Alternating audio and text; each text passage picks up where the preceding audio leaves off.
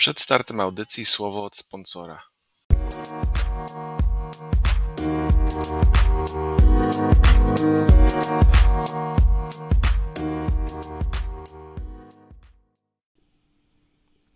Draft w Las Vegas z każdym dniem coraz bliżej, czas więc przejść do drugiej części naszego draftowego przewodnika. Jest z nami nasz ekspert draftowy Dominik Kędzierawski. Cześć Dominik.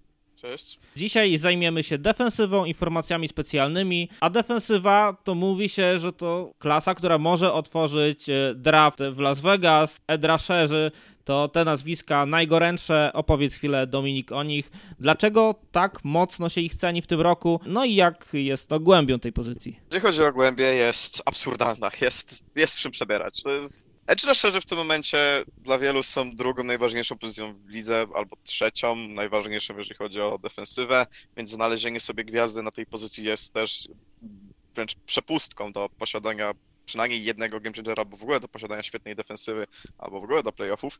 I nikt nie I- patrzy na Saki, albo mało kto patrzy na Saki, a przede wszystkim presję, jak sobie radzi Dokładnie. z zatrzymywaniem gry biegowej. Dokładnie, też widzimy, że zespoły nie tylko dają priorytet temu, żeby znaleźć jednego zawodnika, ale też sobie dają priorytet, żeby mieć co najmniej dwóch, żeby w ogóle mieć rotację edge rusherów na poziomie, bo to jest najlepsza metoda chyba na zatrzymywanie e, najgroźniejszych e, rozgrywających ligi w tym momencie. Przynajmniej najszybsza. Zdecyd- e, jeżeli ma się klasowych edge rusherów.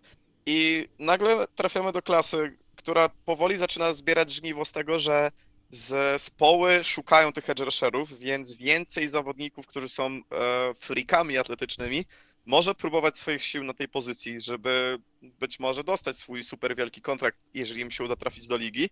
Więc to już jest taka naturalna konsekwencja motywów i trendów, jakie dzieją się w NFL. I teraz widzimy, co się tu dzieje. Jest bardzo duża głębia, jest bardzo dużo atletycznych freaków i potworów. Do tego po prostu top jest przeładowany. E, mamy zawodników, którzy albo są tymi wielkimi projektami z niesamowitym atletyzmem, czyli Travon Walker czy Kayvon Thibodeau, który miał być pierwszym pikiem draftu już parę lat temu, gdy zapowiadano, że właśnie w tym roku Kayvon Thibodeau będzie następnym game changerem. Mamy zawodników typu Aidan Hutchinson czy Jermaine Johnson, którzy swoją ciężką pracą po prostu rozwinęli się do takiego momentu, że są top 10 pikiem w drafcie, albo w ogóle będą pierwszym pikiem, tak jak Aidan Hutchinson może nim być. I tu są te dwie szkoły edge rusherów teraz, e, jakie obserwujemy i zespoły po prostu mają w czym przebierać. A że zespoły chcą w tym przebierać, już widzieliśmy rok temu nawet, gdzie do pierwszej rundy trafiali Peyton Turner czy Odafe którzy atletycznie, po angielsku się powiedzieli checks all the boxes, że mieli wszystko, co trzeba atletycznie, ale trzeba nad nimi popracować w innych aspektach, że zespoły chciały takich zawodników i w tym roku znowu będzie wielki run po edge rusherów. Od tego się zacznie draft, tak jak powiedziałeś. Potem wcale to nie przycichnie i nawet e, kontuzja Davida Ojabo myślę, że tego nie zmieni, bo po prostu jest w czym przebierać. Top 3. e, Tutaj, tak jak w przypadku rozgrywających, bardziej bym się nastawił na top 4, czyli zaczynamy od Aidana Hutchinsona, który jest najlepiej przygotowanym zawodnikiem ze wszystkich trafiających do ligi. Jest w tym momencie już prawdopodobnie gotowym zawodnikiem, przynajmniej pod kątem fizycznym. Jeszcze paru nowych sztuczek, myślę, NFL go nauczy pod kątem technicznym. Mamy wspomnianego Kayvona Thibodeau, który w tym momencie staje się trochę ofiarą tego, jak dziwaczne podejścia mogą e, mieć osoby pracujące w lidze albo osoby odpowiedzialne za scouting. Mamy Travona Walkera, który prawdopodobnie jest chyba największym beneficjentem tego, jakim atletycznym potworem była defensywa Georgii w poprzednim sezonie. I mamy Jermaina Johnsona, czyli absolwenta Netflixowego show e, Last Chance You, który miał dwa lata bardzo dobrej taśmy pod kątem koledżów. Też nie nastawiamy się w jego przypadku jako na kogoś z wielkim sufitem, ale raczej na zawodnika, który już z marszu zaznaczy swoją obecność w defensywie i będzie po prostu bardzo dobrym liniowym. I pójdziemy dalej e, w głąb tej klasy i dalej będziemy znajdowali zawodników. E, W drugiej dziesiątce jest George Karlaftis, który w poprzednim sezonie był słynny z tego, że zespoły rzucały na niego po trzech blokujących. Jest e, wspomniany David Ojabo, który gdyby nie zerwany Achilles sam pewnie by skończył w drugiej dziesiątce. Jest e, Boje Mafe, jest Arnold Ebikiti, którzy prawdopodobnie również skończą w pierwszej rundzie. Potem pojawiają się projekty pokroju Logana Holla, który jest takim drugim Peytonem Turnerem, jeżeli chodzi o warunki atletyczne. Jest Joshua Pascal z Kentucky, jest Nick Bonito z Oklahomy i tych zawodników możemy wymieniać w nieskończoność. I w drugiej rundzie dalej będą się pojawiali zawodnicy z różnych uniwersytetów, z mniejszych konferencji, gdzie znajdziemy zawodników pokroju Camerona Thomasa czy Alexa Wrighta, którzy atletycznie również są potworami. Ta klasa zbiera żniwo tego, że poprzedni draft był najmniejszym rocznikiem tego, że zawodnicy mimo wszystko postanowili zostać w koledżu, postanowili wykorzystać swoją szansę. I właśnie na pozycji edge rushera myślę, że widzimy, że to jest najlepszy przypadek tego, gdzie ten talent się skumulował. Na pozycji edge rushera właśnie będzie największy wybór. I jeżeli chodzi o te pozycje, z edge rusherami w drafcie jest tak, że żeby znaleźć swojego wybranego zawodnika, żeby znaleźć tego potencjalnego game changera, mimo wszystko musisz go brać wcześniej. Bo tacy zawodnicy po prostu schodzą najwcześniej. Jeżeli znajdziesz bardzo mocnego edge rushera w trzeciej rundzie, to już możemy traktować jako cud. I tak jednym z takich cudów w lidze jest między innymi Daniel Hunter. Bo teraz jak liga sobie uświadomiła albo wmówiła sobie, jak ważną pozycją jest edge rusher, wszyscy zawodnicy, nawet z zalążkiem absurdalnego potencjału, oni będą szli dwie, trzy rundy wyżej niż powinni. I ten rok będzie o tyle ciekawy, że tych zawodników jest wystarczająco dużo, żeby obsadzić wszystkich. Żeby każdy znalazł swojo, swój mniejszy, większy projekt. Bo tych, tych zawodników jest po prostu tak dużo. Jeżeli byśmy liczyli, myślę, że znajdziemy około 15 do 20 edge rusherów, których bylibyśmy w stanie, albo zespoły, które, które zespoły są w stanie wybrać w trzeciej rundzie, do trzeciej rundy. A twoim zdaniem takie nazwiska, które wybitnie w tej trzeciej rundzie mogą później przenieść swój talent do Ligi NFL to? Znaczy tutaj już pod koniec trzeciego dnia to wspomniany Alex Wright, który spojrzysz na niego, jest, jest duży, szybki, silny, i jeżeli go rozwiniesz fizycznie, żeby nabrał muskulatury, nauczysz go techniki, to masz e, zawodnika, z którym chcesz pracować, bo to jest taki wymarzony projekt koordynatora defensywnego.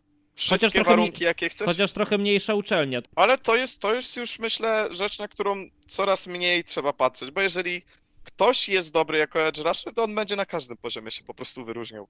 I oczywiście, jeżeli gra na mniejszej uczelni, tym większą wagę należy zwrócić na topowych jego rywali. Jeżeli gramy przeciwko komuś lepszemu, jeżeli ten zawodnik się dalej wyróżnia przeciwko lepszej konkurencji, to już wie, że nie ma co patrzeć na szkołę. Przecież pamiętajmy skąd e, Kalil Mack pojawił się w lidze. Tu uniwerek Buffalo nie słynie z tego, że jest nie wiadomo jakim potentatem w lidze akademickiej. Jest e, mniejszą szkołą, a mimo wszystko nawet e, niedawno do twoich Raiders trafił Malcolm Coons stamtąd. Dokładnie Więc tak. szkoła nie gra roli aż tak w przypadku edge rusherów, bo tam zazwyczaj jak bierzesz z mniejszych szkół edge rushera, to mimo wszystko patrzysz na jego warunki fizyczne, na to, co z niego może wyrosnąć. I dlatego szukasz takich Alexów Wrightów, bo kiedy cała liga jak sępy się rzuci już na wszystkich zawodników, których da się wybrać w pierwszej i w drugiej rundzie, to w tej trzeciej, czwartej rundzie musisz szukać takich zawodników, bo albo weźmiesz kogoś, kto nie ma tych warunków, kto słynął z dobrej produkcji, kto ma wielkie serducho do walki pokroju Kingsleya, Kingsleya Nagbare, albo bierzesz kogoś, kto ma ten bardzo wysoki sufit, kto może się okazać o wiele lepszy niż był w koledżu, ale musisz z nim pracować 2-3 lata. I te zespoły będą szukały mimo wszystko takich zawodników właśnie jak Alex Wright, żeby zainwestować w sufit. Okej, okay, to poza Wrightem jeszcze dwa nazwiska? Amare Barno jest kolejnym takim zawodnikiem e, z Virginii Tech, to, który ma, on ma jeszcze większe warunki atletyczne, jeszcze lepsze od Alexa Wrighta, ale jest jeszcze gorszy jako edge rusher. I dla zbalansowania tego wszystkiego jest Esezio Tomeo, który ma bardzo dobry profil fizyczny, jest takim typowym rotacyjnym e, edge rusherem, który trochę bardziej się w tym momencie nastawia na grę biegową, ale tacy też są potrzebni w lidze. Rozczarowywał trochę, jeżeli chodzi o jego produkcję w Minnesocie, ale warunki fizyczne dojeżdżają jest doświadczony, jest tam potencjał, który można mimo wszystko uwolnić. I Otomeo jest jedną z moich ulubionych opcji na wybranie jako rotacyjnego edge rushera w czwartej, piątej rundzie. A jeżeli chodzi o zawodników liniowych grających wewnątrz, tu też jest tak mocno, czy... To, to jest mocny rocznik, to jest mocny rocznik, tylko tu jest o wiele większa wyrwa pomiędzy tym, co jest na topie, bo top jest wysoko, jest bardzo wysoko. Potem jest e, skrócona w porównaniu do edge rusherów klasa średnia, gdzie jest tych zawodników trzech, czterech tak do wzięcia w tej drugiej, no, wczesnej trzeciej rundzie. I dopiero potem, e, gdzieś w tym trzecim dniu już wybierasz zawodników, którzy no, okażą się bardzo wartościowymi zawodnikami w twojej rotacji. Dla mnie jedynką na pozycji defensive tackle jest Devonte Wyatt e, i tutaj umrę na tym wzgórzu. Devonte Wyatt jest dla mnie lepszy od Jordana Davisa, jest e, większym game changerem, jest przede wszystkim o wiele bardziej disruptive, jakby to powiedzieli scouci w swojej grze. Jordan Davis, już e, powtarzałem się o tym nieskończoność. Widzę, dlaczego ze skauci, dlaczego zespoły się ślinią nad nim, bo to jest absurdalne, jakie on ma warunki fizyczne, jaki ma potencjał atletyczny. Tylko na taśmie tego aż tak nie widać. Widać, że jest potworem i kosmitą, tylko jest takim ludzkim potworem i kosmitą, który po prostu jest większy, silniejszy od wszystkich ludzi, nie jest Godzillą na boisku. I dla mnie on się projektuje jako bardzo dobry nose tackle, e, widzę, a nie jako ktoś, kto będzie disruptive game changerem pokroju Arona Donalda. I dlatego mam Devonte Wyatta wyżej, bo uważam, że on będzie po prostu przydatniejszy na dłuższą metę. Czytałem takie opinie, że opinia tych, o, o tych dwóch zawodnikach jest może gdzieś trochę, może nie do końca pełna, bo ci dwaj zawodnicy po prostu grali w Georgii. Jeżeli chodzi o defensive tackla, też e, jeżeli chodzi o interior pressure, bardzo ważna jest możliwość penetracji e, środka linii ofensywnej. Devonte Wyatt to oferuje. Między innymi dlatego Travon Walker jest tak teraz, e, tak bardzo idzie do góry, bo Travon Walker jest niesamowicie dobry, jeżeli chodzi o penetrację, zwłaszcza w grze biegowej. On to potrafi w pojedynkę wywracać, podobnie Devonte Wyatt. Jordan Davis jest zawodnikiem, który kontroluje to, co się dzieje na linii wznowienia gry. Nie jest zawodnikiem, który właśnie odpowiada za penetrację. I zawsze widzimy te highlighty e, Arona Donalda, który się w mgnieniu oka przebija przez linię ofensywną i rozwala całą akcję. Takim zawodnikiem potrafi momentami być Devonte Wyatt, który też przecież jest w stanie ściągać na siebie podwojenia. Jordan Davis jest zawodnikiem, który ściąga na siebie podwojenie, ściąga więcej uwagi linii ofensywnej i musisz brać to pod uwagę, ale on no, nie zagrozi ci natychmiastowo przerwaniem akcji, bo to nie jest jego styl gry. On po, poza tym nie potrafi po prostu tak grać mimo swoich warunków. On jest stworzony do czegokolwiek innego i dlatego mi jesteś w stanie trochę, patrząc na to, jak grała Georgia, gdzieś to już w stronę ligi projektować, że on będzie robił to, on będzie robił, drugi będzie robił tamto i w ten sposób jesteś w stanie ich w miarę porównać. I Tra Travon Walker zyskuje jak najbardziej dzięki temu, jak wyglądał duet Wyatt i Davis, ale mimo wszystko, patrząc na to, jak grała Georgia, dla mnie o wiele lepiej wyglądał Tom Wyatt niż Davis. Nawet jeżeli Davis mógł być odrobinę bardziej wartościowy dla zespołu. Chociaż tu już jest kwestia tego, czy to sam mit tego, jak Jordan Davis jest dobry, działał na wyobraźnię przeciwników, czy to, jak to wyglądało na boisku. Bo na boisku widzieliśmy, że Devonte Wyatt potrafił biec 20 yardów do tyłu i zatrzymać akcję przeciwnika. Jordan Davis nie do końca. To prawda. Zresztą w ogóle później pewnie będziemy podsumowywać całą klasę defensywną w tym roku. Georgia w tym roku naprodukowała kapitalnych zawodników, którzy... To jest, a- to jest absurdalne front seven. Tak? I jeszcze do Davisa tylko no, wybór jego w pierwszej rundzie jak najbardziej rozumiem. To Vita Vea trochę nam oczyścił perspektywę tego, jak e, game changer na pozycji no tackla potrafi być wartościowy dla zespołu. I dlatego uważam, że Jordan Davis jak najbardziej jest wart wyboru w pierwszej rundzie, ale nie nastawiałbym się i nie brnąłbym w teksty pokroju, że Jordan Davis jest top 5 najbardziej wartościowym zawodnikiem tej klasy, jeżeli chodzi o to, jak grał na boisku. Do tego poziomu myślę nie, nie osiągnie. I trzecim z środkowych, ze środka linii defensywnej jest Travis Jones, który jest kolejnym no-stacklem. Travis Jones, który gra, no, nie bójmy się tego nazwać, memie, jakim jest e, program futbolowy Connecticut i pomimo to wyglądał fenomenalnie, wyglądał jak zawodnik stworzony dla NFL. Podobnie jak Davison będzie no-stacklem w lidze i będzie bardzo dobrym no-stacklem.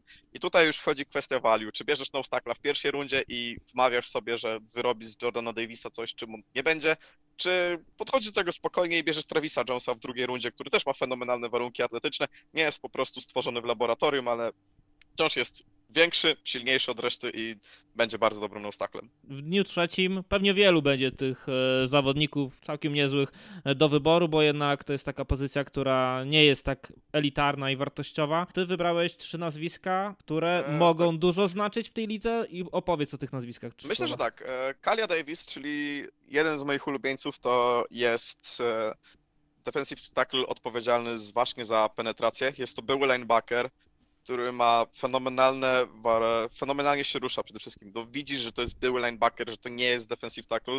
Widzisz dynamikę w jego sposobie poruszania się i to jest bardzo ważne na takich mniejszych, szybszych defensive tackli. I myślę, że w odpowiednich rękach on może stać się naprawdę porządnym freetekiem w lidze i siać spustoszenie w liniach ofensywnych. E, Eyoma Łazurike z kolei jest kolejnym zawodnikiem, który wygląda trochę jakby był stworzony w laboratorium, jest ogromny. I jednocześnie jest to zawodnik, który troszeczkę potrafi zaoferować w pass rushu. Jakby jego praca rąk jest imponująca. Ta dynamika u niego no, nie do końca jest. E, jakby, no, jest to ogromny człowiek, więc oczywiście, że on nie będzie dynamiczny, ale jest to dynamika troszeczkę lepsza niż byśmy się spodziewali. Sam przede wszystkim on profilem fizycznym będzie zwracał na siebie uwagę linii ofensywnej i to, że on nie jest surowym nostaklem, a jesteś w stanie nim rotować na przynajmniej dwóch, trzech pozycjach w linii defensywnej, dodaje mu wartości. Chociaż produkcja na boisku e, no, momentami nie dojeżdżała. Jest e, Thomas Booker. Thomas Booker, któremu fenomenalną reklamę zrobił e, Coleman swoim wywiadem z nim, gdzie Booker po prostu wyskakiwał z ekranu ze swoją futbolową inteligencją to już jest jeden plus, dla którego on po prostu znajdzie się w lidze i to jest powód, dla którego on się utrzyma w lidze na 20, 30, 40 lat, ile, ile by tylko chciał. A na boisku jest też bardzo dobrym zawodnikiem. Wykorzystuje tę inteligencję w dobry sposób, jest bardzo dynamiczny, bardzo szybko potrafi wyskoczyć do wznowionej akcji i też będzie takim typowym disruptive interior linemanem, którego weźmiesz gdzieś w tej właśnie czwartej, piątej rundzie. To będzie twój taki czarny e, koń e, w twojej rotacji linii defensywnej, taki, którego wyciągniesz na troszeczkę podmęczoną linię ofensywną i będzie on ich irytował.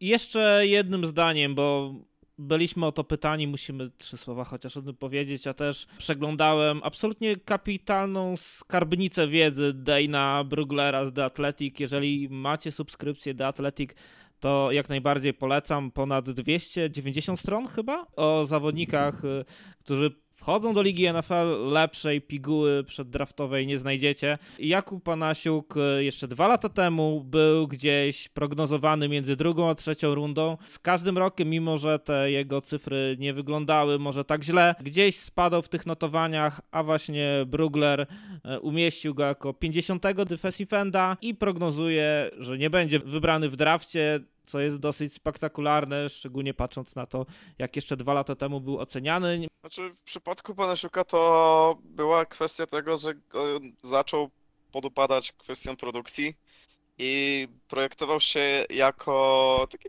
trochę rotacyjny edge rusher z porządnym atletyzmem, który jest w stanie pogonić za rozgrywającym, coś tam ma w arsenale.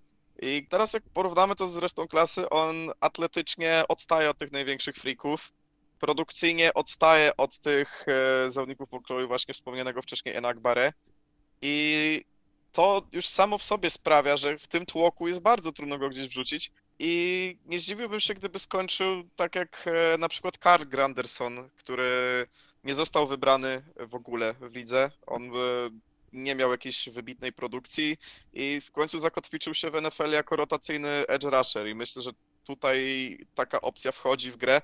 Jeżeli chodzi o practice skład, myślę, że jest to jak najbardziej widoczne. Myślę, że jeden nawet dobry workout byłby w stanie załatwić mu wybór w tej szóstej, siódmej rundzie, bo to jest normalne miejsce, gdzie solidni edge rusherzy, solidni defensive endzi są wybierani, tacy właśnie pod kątem, no i czy to practice składu, czy to po prostu bycia tym nawet piątym e, w rotacji. Po prostu reszta konkurencji narzuciła takie tempo, którego nie był w stanie utrzymać. Jasna sprawa. Okej, okay, dobra, przechodzimy do drugiej linii i tutaj linebackerzy. Też zawodnicy, o których mówi się, że w tym roku mogą być wybrani w pierwszej rundzie draftu. Opowiedz o tej czołówce Dominik, no i jak wygląda ten dzień trzeci, jak z to głębią. możemy to szczerze nazwać e, pozycją imienia Georgii. Bo Georgia wydaje właśnie trzech linebackerów, którzy mogą pójść w pierwszych trzech rundach. To jest absurdalne. Jest to kolejny mocny rocznik. Typowo jak dla wielu pozycji brakuje tutaj e, tej jednej super gwiazdy, ale top jest mocny. Na topie mamy przynajmniej cztery nazwiska, które gdzieś od tej drugiej rundy powinny już znikać z tablicy. Potem jest paru takich zawodników, którzy będą po prostu solidnymi roleplayerami w lidze. I tą czwórką będą na Kobe Dean i Quay Walker z. Będzie to Devin Lloyd z Utah i będzie to Christian Harris e, z Alabamy. I tu mamy różne typy linebackerów, bo mamy na Kobe Deana, który jest e, wręcz profesorem na boisku, który nie, nie popełnia błędów, tylko po cichutku eliminuje wszelkie zagrożenia, jakie idą w jego stronę. Mamy Devina Lloyda, który ma taki bardzo rwany styl gry, który będzie się rzucał na tę piłkę i zaskakująco będzie to w większości przypadków mu wychodziło. Mamy Quaya Walkera, który po prostu lata po boisku, e, ile wlezie i imponuje swoim atletyzmem.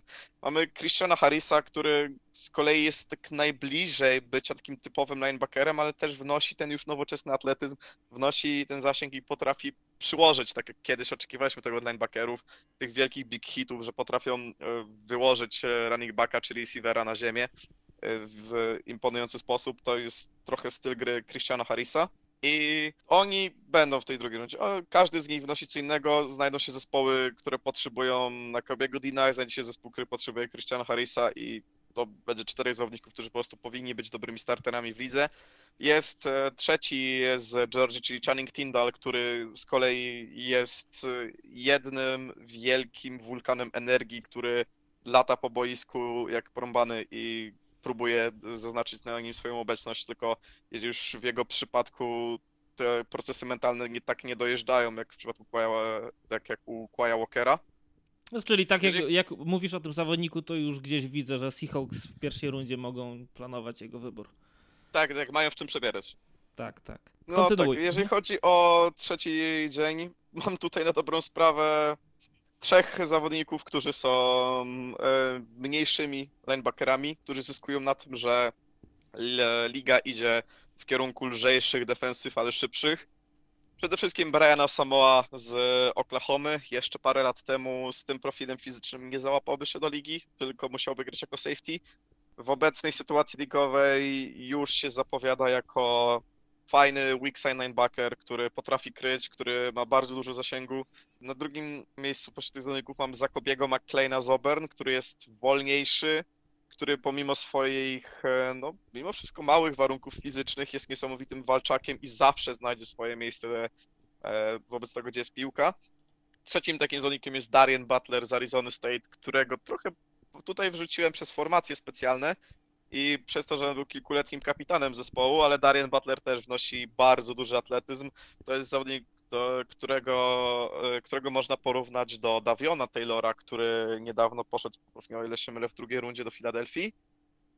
I też to jest po prostu atletyczny safety zamknięty na pozycji linebackera i jest jeszcze Kłony Deng z Kalifornii, który ma absurdalne warunki fizyczne, bo to jest 6'5", e, 250 wzrostu, a jednocześnie Kłony Deng się rusza jakby miał te 15 centymetrów mniej i był safety. I Kłony Deng też jest bardzo ciekawym projektem, który myślę zdałby radę gdzieś załapać się na boisko czy to nawet do tych formacji specjalnych, bo ktoś o takich warunkach fizycznych do e, formacji blokujących panty czy field jest nieoceniony, zwłaszcza z jego ukrytym atletyzmem, bo patrzymy na taki profil fizyczny i nie zdajemy sobie sprawy, że ktoś taki może się tak dobrze poruszać i tak e, być tak dynamicznym. Ale ogólnie jest to, jest to dobry, jest to dobry rocznik, jest czym wybierać. Chciałbym jeszcze tylko wymienić e, Troja Andersena, bo nie jest to top opcja, ale ktoś, kto biega 4-4 na pozycji linebackera, ma doświadczenie jako receiver i ma doświadczenie jako safety, może być takim szwajcarskim scyzorykiem w defensywie, to działa na wyobraźnię. Taki z nich działa na wyobraźnię i mimo wszystko chcesz go mieć w swoim zespole, bo chcesz zobaczyć, co z niego wyrośnie. I Troy Andersen, e, on pójdzie najpewniej w trzeciej rundzie, może ktoś by się płasił pod koniec drugiej rundy na niego, to jest zawodnik do którego jestem bardzo ciekaw, e, jaki pomysł na niego znajdą widzę. Jeżeli chodzi o cornerów, ta klasa też wygląda dosyć mocno, szczególnie jest dwójka z LSU i ten jeden o którym pewnie powiesz najwięcej. No tak, e, Derek Stingley, czyli zawodnik, który podbił cały świat jako freshman. Tutaj myślę, że on już bił się w pierś, że NFL nie ma zasady one and done, tak jak jest to w koszykówce, bo on już wtedy byłby top 3 pikiem w drafcie, niezależnie od tego, jak mocny byłby to rocznik, bo tak miał fenomenalny sezon. Potem przyszły kontuzje, potem... E, potem mu się nie chciało. Potem mu się nie chciało, przyszedł ogólny regres LSU i tak jak e, mówiłem w NFL po godzinach e, z Kubą Kozulą, gdzie musimy wziąć to pod uwagę, gdy jesteś na szczycie już na samym początku i gdzie masz znaleźć ten ogień, żeby zmusić się do grania na tym samym poziomie, do grania przez te kontuzje, do nie powiedziałbym, że do bycia jak najlepszym, bo to oczywiście, jeżeli ktoś nie chce być najlepszą wersją siebie, no to to jest już czerwona flaga, na którą trzeba zwrócić uwagę. Ale patrząc na to, jak wyglądało LSU, patrząc na to, że Stingley zdobył już wszystko, co mógł, był częścią najlepszej drużyny w historii, no trzeba wziąć to pod uwagę, że to jest delikatnie usprawiedliwiający go czynnik, że on podupadł na poziomie. Nie w pełni, bo mógł grać lepiej. On zaczął popełniać durne błędy, to ta jego taśma z poprzedniego sezonu wcale nie była tak, do, tak dobra, jak e, mogłoby się wydawać, ale też musimy mieć to na uwadze, że ten zawodnik, który był tam dwa lata temu, on tu dalej jest i jego można z powrotem wyciągnąć na boisko. I pokazał to świetnymi testami, gdy już w pełni zdrowia zrobił bardzo dobre wyniki. A jeżeli on tylko spadnie gdzieś później, to bra brawo dla tej drużyny, która go zgarnie, bo niższym kosztem biorą zawodnika, który na dobrą sprawę powinien pójść w top 5. Dostaną go innymi dzięki temu, że Ahmad Gardner, który e, przegonił teraz Stingleya w wielu rankingach, jest sam w sobie bardzo dobrym cornerbackiem i jest cornerbackiem, który jest w stanie wyłączyć najlepszych skrzydłowych w ogóle z gry i sam w sobie jest zawodnikiem wartym wyborów top 5 i to, to jest bardzo mocny top klasy. Czy widzisz w nim e, jeszcze coś, czego on nie pokazał w lidze NCAA, a może pokazać w lidze NFL? Czy to już, e, jeżeli byś wstawił tego zawodnika na przykład do Minnesota Vikings, o czym się mówi dosyć e, dużo, że to będzie ten pik, kiedy zostanie wybrany, to czy, czy to już, czy on za bardzo nie ma co w sobie rozwijać? Jest kilka rzeczy, które można by poprawić. Kwestia tego, czy zdrowie dowiezie, bo on miał bardzo duże problemy ze zdrowiem w poprzednich dwóch e, sezonach. W poprzednich dwóch sezonach głównym jego problemem było to, że nie do końca potrafił odnaleźć piłkę w powietrzu. To było widać po prostu na ekranie, że Stingley nie grał na pełnej motywacji, bo popełniał proste, fundamentalne błędy. Ale jeżeli chodzi o to, gdyby on wrócił do swojej topowej formy, to jedynym, co powinien poprawić albo w sobie rozwinąć, to jest lepsza gra przeciwko grze biegowej. A Stingley nie ma być z twoim cornerbackiem, który ma zamykać grę biegową, a ma być kimś, kto będzie zamykał najlepszych skrzydłowych poprzedniego zespołu. A jeżeli chodzi o jego możliwości zamykania najlepszych skrzydłowych, to Stingley już teraz jest e, w teorii, bo musi to pokazać po raz drugi w praktyce, jest e, jest, pełny, jest już pełnym opakowaniem. Wszystko, czego potrzebujesz, on to ma. Gdybyś chciał sobie wyobrazić idealnego cornerbacka, to Stingley jest właśnie takim idealnym cornerbackiem. Okej, okay, kto jest tym trzecim cornerem, który uzupełnia topkę? Jest to Trent McDuffie z Waszyngtonu. To, jakie recovery posiada ten zawodnik, to po pierwsze jest niesamowite. Druga rzecz, praca nóg jest fenomenalna. E, trzecia rzecz, to, jak on potrafi znaleźć piłkę w powietrzu. Trent McDuffie nie jest idealnym cornerbackiem przez to, że jest mniejszy, bo Trent McDuffie jest mniejszym cornerbackiem, ale on nadrabia tym niesamowitym serduchem do walki, niesamowitą agresywnością w swojej grze. No nie spodziewałby się po tak małym cornerbacku, że on potrafi być tak dobry w press release i w press coverage, bo to, jak on potrafi przycisnąć skrzydłowych na linii wznowienia gry jest imponujące jest e, bardzo dobry pod kątem nadrabiania e, e, do skrzydłowych, już kiedy piłka jest w powietrzu, czyli to właśnie to recovery. Jest po prostu bardzo dobrym zawodnikiem futbolu, który nie oddaje praktycznie chwytów, który będzie znikąd potrafił ci nagle wyskoczyć przy piłce, ją zbić albo za, zatrzymać ball carriera od razu. Jest bardzo dobry, jest po prostu mały i myślę, że to zrzuci go być może nawet do tej trzeciej dziesiątki. ale warunkami atletycznymi wcale ten McDuffie nie odstaje. Serduchem do walki w ogóle nie odstaje, bo on jest alfą na boisku. On jest, on na boisku kiedy jest, on jest alfą, on zaznacza swoją obecność. Ty masz wiedzieć, że Trent McDuffie jest na boisku, ty masz wiedzieć, że on zamyka twojego pierwszego, drugiego, trzeciego skrzydłowego, bo gdziekolwiek go nie rzucisz na boisko, czy do slotu, czy jako boundary cornera, czy nawet jako safety, on będzie bardzo dobry. I z marszu myślę, że Trent McDuffie może być kandydatem do walki o bycie debiutantem roku, podobnie jak e, Ahmad Gardner. I ta dwójka, myślę, będzie stawiała naprawdę mocną, e, mocną walkę przeciwko edge rusherom tej klasy. Okej, a jak wygląda ta głębia? Głębia jest e, mocna, bo w drugiej rundzie masz przynajmniej jeszcze trzech, czterech cornerów wartych uwagi. Potem już to trochę spada i musisz inwestować w atletyczne projekty. I jednym z takich jest wspomniany wcześniej Cordell Flott, czyli kolega Dereka Stingraya z LSU, który jest prototypowym cornerbackiem z laboratorium. Wszędzie tylko nie w głowie, bo on gubi piłkę w powietrzu, on popełnia proste błędy mentalne, więc jeżeli chodzi o obronę strefową, to już jest czerwona flaga dla niego. Drugim takim zawodnikiem jest dla mnie Joshua Williams, który jest z, z mniejszego uniwersytetu, a też jest zawodnikiem, który jest właśnie większym kornerem, który też bardzo dobrze się rusza jak na większego kornera. On przynajmniej już potrafi znaleźć piłkę w powietrzu, jest bardzo dobrym ballhawkiem. Kwestia tego, czy rozwiniesz go na tyle, żeby był zawodnikiem, który jest w stanie się przykleić do skrzydłowych, a nie tylko znajdywać piłkę. A ostatni zawodnik, jakiego wymieniłem, tutaj musimy zdać sobie z tego sprawę, że czasem po prostu są zawodnicy, którzy są dobrze w jednej rzeczy i tragicznie w drugiej i w przypadku cornerów masz zawodników, którzy potrafią być bardzo dobrzy w obronie strefowej i w obecnej lidze tacy zawodnicy potrafią być na wagę złota, zwłaszcza kiedy potrzebujesz grać heavy zone przeciwko niektórym rozgrywającym.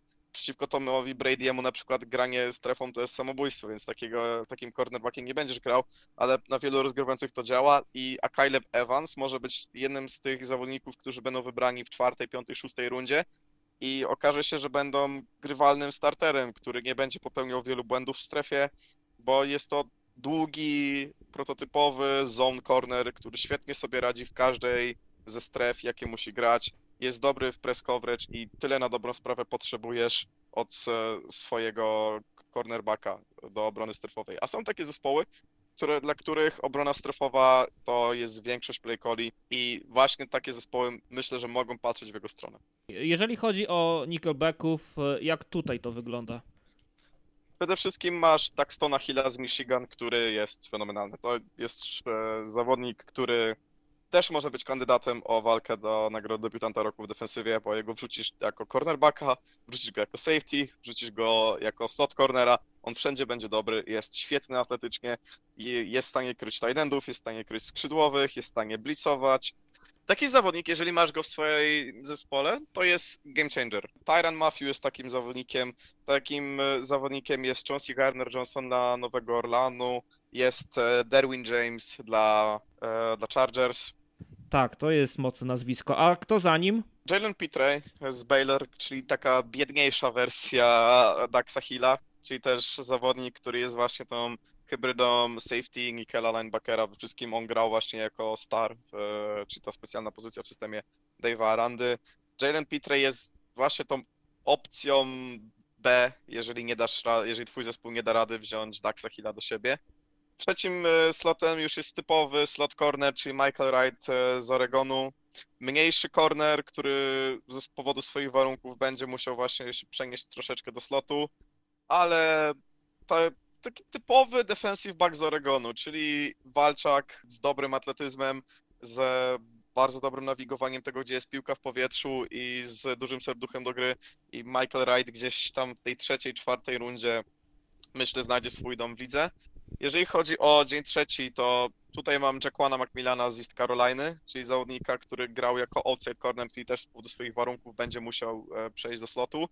Zawodnik, który ma niesamowity zmysł do znajdowania piłki. To był jeden z najczęściej zbijających piłkę zawodników e, w całej lidze akademickiej. On jest po prostu magnesem do tej piłki i ktoś taki e, będzie bardzo upierdliwy, jeżeli dostanie swoją szansę w NFL. Mam Tysona Andersona, który jest z kolei totalnym zaprzeczeniem tego, kim są e, Jackman McMillan i Michael Wright. Jest to safety, który ma ponad 1,90 m wzrostu, który ma trochę więcej kilogramów niż twój przeciętny cornerback. To jest e, bardziej hybryda safety z linebackerem niż safety z cornerbackiem, ale ma fenomenalne warunki fizyczne i jest to projekt, który warto myślę zainwestować, zwłaszcza w tych późniejszych już pikach, bo taki, no, takich warunków fizycznych po prostu nie chcesz pominąć.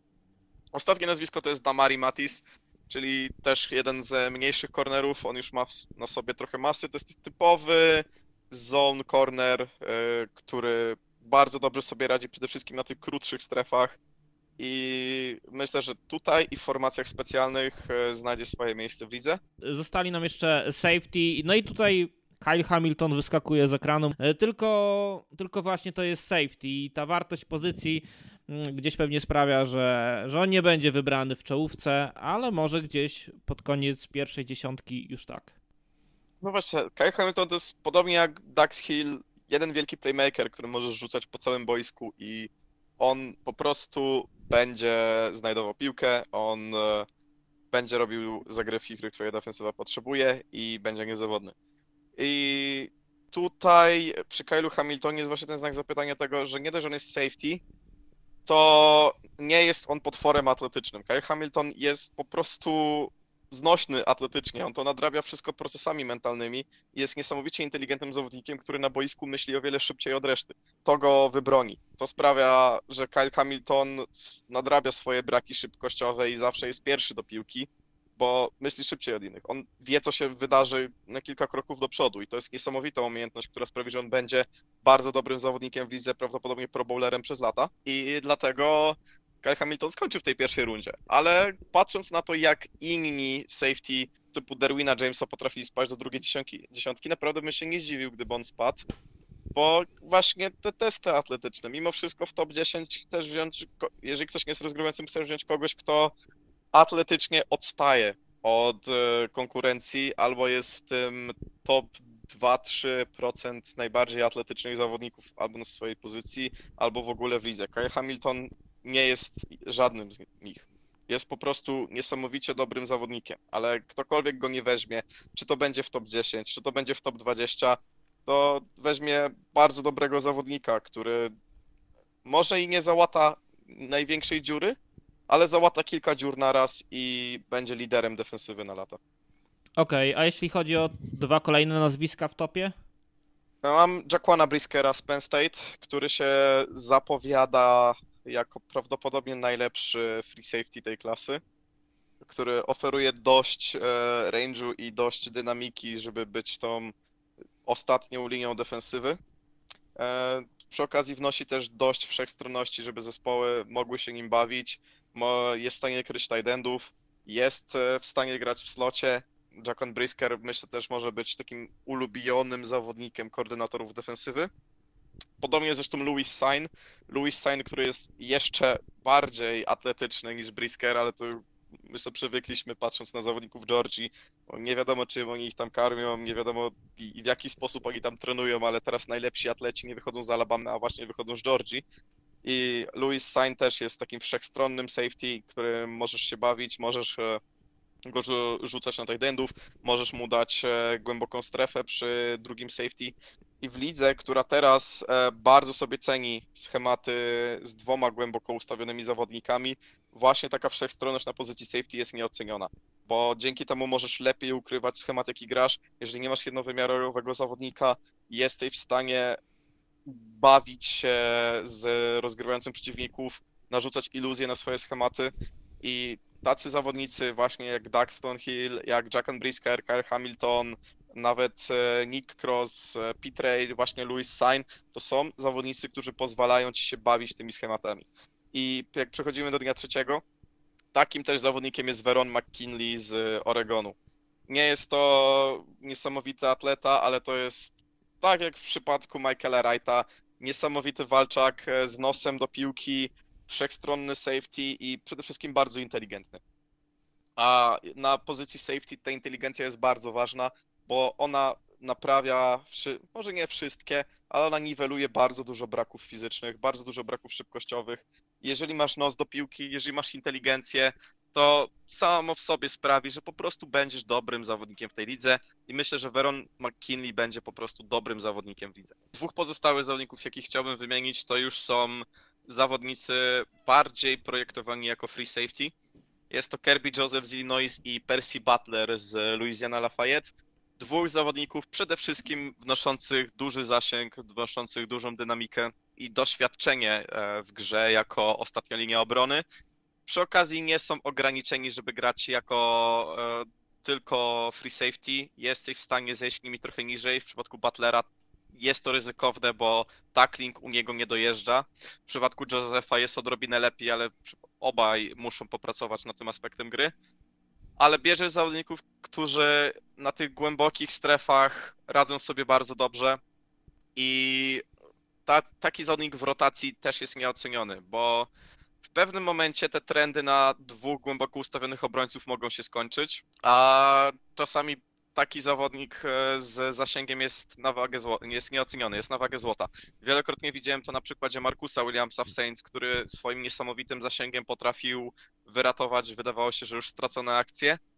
I Joseph, i Butler wnoszą wystarczająco dużo tego range'u, żeby może nie co być game changerami, ale właśnie parę z takich zagrań, które się wydają stracone, wyratować. Przynajmniej I- zbić. Dokładnie. Jeżeli masz takich zawodników też do schematów e, na dwóch głęboko ustawionych safety, to wcale- nie jesteś na straconej pozycji, bo bardzo często oni po prostu się okażą przydatną pomocą. Dokładnie tak.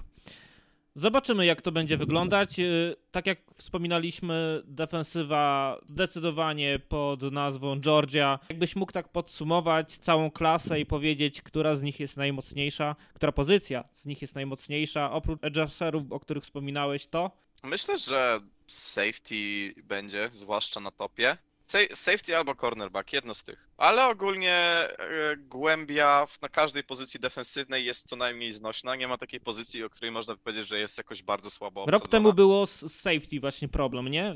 Były te dwa nazwiska, a później było tak dosyć słabo, a ostatecznie okazało się, że jednak i ci safety nawet dojeżdżali. A tutaj właśnie też nie wymieniłem między innymi e, JT Woodsa z Baylor, który ma świetny potencjał. Nie wymieniłem Delarina Turnera Yela, który również się zapowiada jako intrygujący slot corner slash safety. I tutaj głębia na pozycji safety spada gdzieś po tej piątej, szóstej rundzie, a to już są takie rejony, gdzie się nie przejmujesz tym, że ta głębia spada, bo jeżeli chciałeś mieć safety, jeżeli potrzebowałeś safety, To już go wybrałeś. jednego wcześniej. Dokładnie tak. Okej, jeżeli chodzi o formacje specjalne, nie będziemy tutaj poświęcać im dużo czasu, ale są nazwiska, szczególnie jedno nazwisko, które może nie elektryzuje, ale z pewnością gdzieś tam rozbudza wyobraźnię. Jak mówi się, że Panther może być wybrany w trzeciej rundzie, a może i wyżej, y, to jest to wydarzenie. Jest nim Matt Araiza, San Diego State. Właśnie dlaczego Panther i dlaczego tak wysoko? Co jest z nim wyjątkowego, No, Dominik? No przede wszystkim masz osobę, która c- pół żartem, pół serio jest w stanie przekopać całe boisko. Mata Rajza jest w stanie kopnąć na odległość 70-80 yardów, co jest absurdalne. I jego noga jest czymś, czego chyba ta liga jeszcze nie widziała. To, to jest poziom siły, który nie tylko pobudza wyobraźnię, to jest poziom siły, którego sobie do tej pory nie wyobrażaliśmy. Widzieliśmy wielu panterów z silną nogą, ale to, co robi Mata Rajza, to, to wykracza poza wszelką skalę. I sam ten poziom jego nogi sprawia, że zespoły będą się ślinić na kogoś takiego.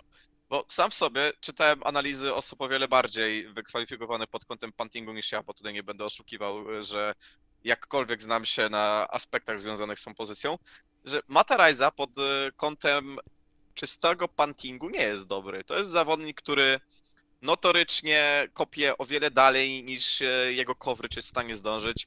Jest to zawodnik, który ma bardzo długi proces kopnięcia, co sprawia, że jest o wiele częściej narażony na blokowanie. Jako normalny kicker, bo on także grał jako kicker, nie do końca radził sobie z celnością. Ogólnie celność jego kopnięć pozostawia wiele do życzenia. I e, tutaj mogę to zestawić między innymi z Blake'em Gillikinem, który stał się następcą Tomasa Morseda w Nowym Orlanie, gdzie Blake Gillikin ma mocną nogę, ale przede wszystkim Blake Gillikin, gdy trzeba, potrafi kopnąć tak, żeby ta piłka się zatrzymała w miejscu. On bardzo często zatrzymywał tę piłkę na drugim, trzecim yardzie.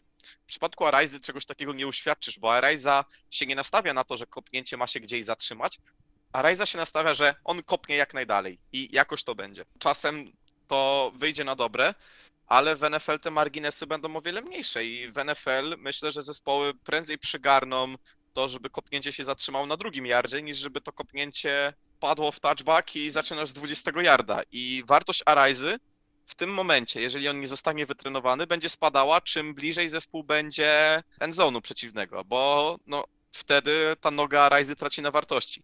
Oczywiście zespoły będą tutaj sobie wmawiały, że jego da się wytrenować i znajdzie się ktoś, kto weźmie go wysoko i będzie próbował go ujarzmić, a jeżeli im się to uda, to Araiza naprawdę może tutaj już naprawdę stać się tym pandgodem, jak jest e, przez niektórych nazywany.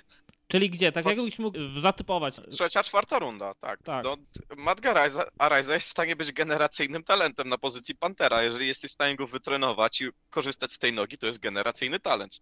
Chociaż spotkałem się też z opiniami, że Jordan Stout z Penn State jest lepszy od niego, bo Jordan Stout również ma mocną nogę, a jednocześnie ma celną nogę. Jest to Tak, zawodnik, właśnie który o tym chciałem wspomnieć, bo jak oglądałem jego highlighty i ogólnie czytałem dużo o nim, to to jest też świetny kicker. To jest zawodnik, który w decydujących momentach spotkania ma ustawioną piłkę na 52 czy 57 yardzie i trafia, a przecież w Penn State mamy też boisko dosyć wyjątkowe i też wcale nie jest łatwo tam trafić, szczególnie jak warunki atmosferyczne nie są najlepsze. On to robił, więc no ciekawy ten rocznik Panterów. Czy byłbym bardzo zdziwiony, gdyby Stout poszedł na Daraiza? Szczerze, nie, bo Stout jest bardzo dobry. Największy tutaj kłopot się tworzy, gdy spojrzymy ogólnie przekrojowo na pozycję Pantera w lidze i uświadomimy sobie, że Pantera jest w stanie znaleźć bardzo dobrego nawet jako undrafted free agenta. Wątpię, żeby Stout stał się undrafted free agentem. Myślę, że on pójdzie klasycznie w czwartej, piątej rundzie. I tylko Araiza staje się właśnie tym ciekawym przypadkiem, że co się z nim stanie, czy ktoś zaryzykuje, bo ten talent jest. Ten talent jest absurdalny. E, Gdybyśmy chcieli to zestawić tak, żeby to było lepsze do zrozumienia, no to Matarajza jest tym rozgrywającym, który potrafi przerzucić niemal całe boisko, tylko ma problemy z rzuceniem prostego slanta na 5 yardów. I te podstawowe rzeczy u Araizy nie dowożą w tym momencie, ale to jak potężna jest jego noga, to jest y, niesamowite. Okej, a jeżeli chodzi o kickerów, czy tutaj jest takie To- nazwisko, które się wyróżnia? Myślę, że Cade York z LSU jest bardzo dobrym kickerem. Myślę, że będzie jednym z wydraftowanych, chociaż e, tutaj to naprawdę już trzeba być bardzo niszowo nastawionym, żeby oglądać ligę akademicką i patrzeć przekrojowo na wszystkich kickerów i mówić sobie, o, ten da radę, ten będzie fajny. E, Cade York, no przede wszystkim ze, z mojej znajomości z LSU, jest dobrym kickerem, jest niezawodnym kickerem, ma wystarczająco silną nogę i jest bardzo celny. Myślę, że będzie jednym z tych e, paru, którzy co roku są wydraftowywani. Okej, omówiliśmy ofensywę, defensywę, formacje specjalne. Myślę, że jest to spora pigułka wiedzy przed draftem. Oczywiście na naszej stronie przeczytacie też dwa mock drafty. Polecałem już e, teksty, teksty w The Athletic e, Dana Bruglera. Jeżeli macie możliwość, zachęcam ściągnąć i też poczytać sobie e, gdzieś do poduchy, bo kapitalne analizy. Natomiast też polecam wziąć sobie w piątek wolne i spróbować przeżyć ten draft na żywo, bo Liga NFL wyprodukowała kapitalne wydarzenie, które też sprawia, że coraz więcej osób spogląda na ligę NCAA, szczególnie na tych najlepszych zawodników. No i ci najlepsi zawodnicy od niedawna zarabiają, może jeszcze nie elitarnie, ale, ale już jakieś pieniądze wpadają i to chyba słuszny krok. Tak, zgadzam się z tobą. To jest przede wszystkim świetne, że jakkolwiek są w końcu wynagradzani za mimo wszystko no, wykorzystywanie swoich ciał, żeby ktoś inny zarabiał miliony ich kosztem. E, Zresztą pisałem o tym swoją pracę akademicką i miałem zakończone e, to wszystko tym, że być może w końcu te prawa, te NIL laws wejdą w życie i zawodnicy w końcu zaczną jakkolwiek być wynagradzani za to, co muszą przeżywać przez te 3, 4, 5 lat. I te prawa weszły w życie praktycznie od razu i stały się game changerem.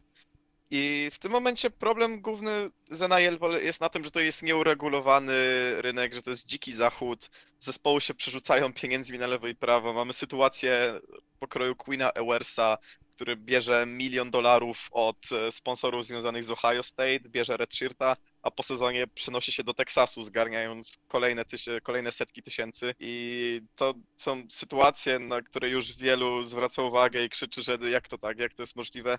Ale myślę, że to naturalnie się w końcu ureguluje. E, Są sytuacje, w których już na przykład całe grupy pozycyjne są opłacane po 50 tysięcy dolarów. e, W jednym z uniwersytetów tak linia ofensywna jest opłacana i to jest bardzo dobre, bo w końcu ci zawodnicy jakkolwiek mogą zyskać na tym statusie, jaki osiągają dzięki swojej rozpoznawalności w akademickiej. I myślę, że to oznacza też koniec absurdów pokroju tego, jaki był kilka lat temu z jednym z kickerów, bodajże z UCF, który miał swój kanał na YouTubie. Przez to, że ten kanał na YouTubie już monetyzował, to wielkie NCAA się obraziło i kazało mu ten kanał usunąć, inaczej by go zawiesili w prawach studenta i zawodnika, bo ma być przecież amatorem. I to, że ta sytuacja tak się płynnie zmienia, myślę, że działa po prostu w dobrą stronę i to będzie tylko jeszcze wychodziło na dobre wszystkim. Okej, tutaj stawiamy kropkę. Dzięki za to, że byliście z nami. My już się żegnamy, mówimy wam do usłyszenia. Po drugiej stronie jest Dominik Kędzierawski. Cześć Dominik. Cześć, dziękuję bardzo. Ja nazywam się Karol Potaś. Cześć.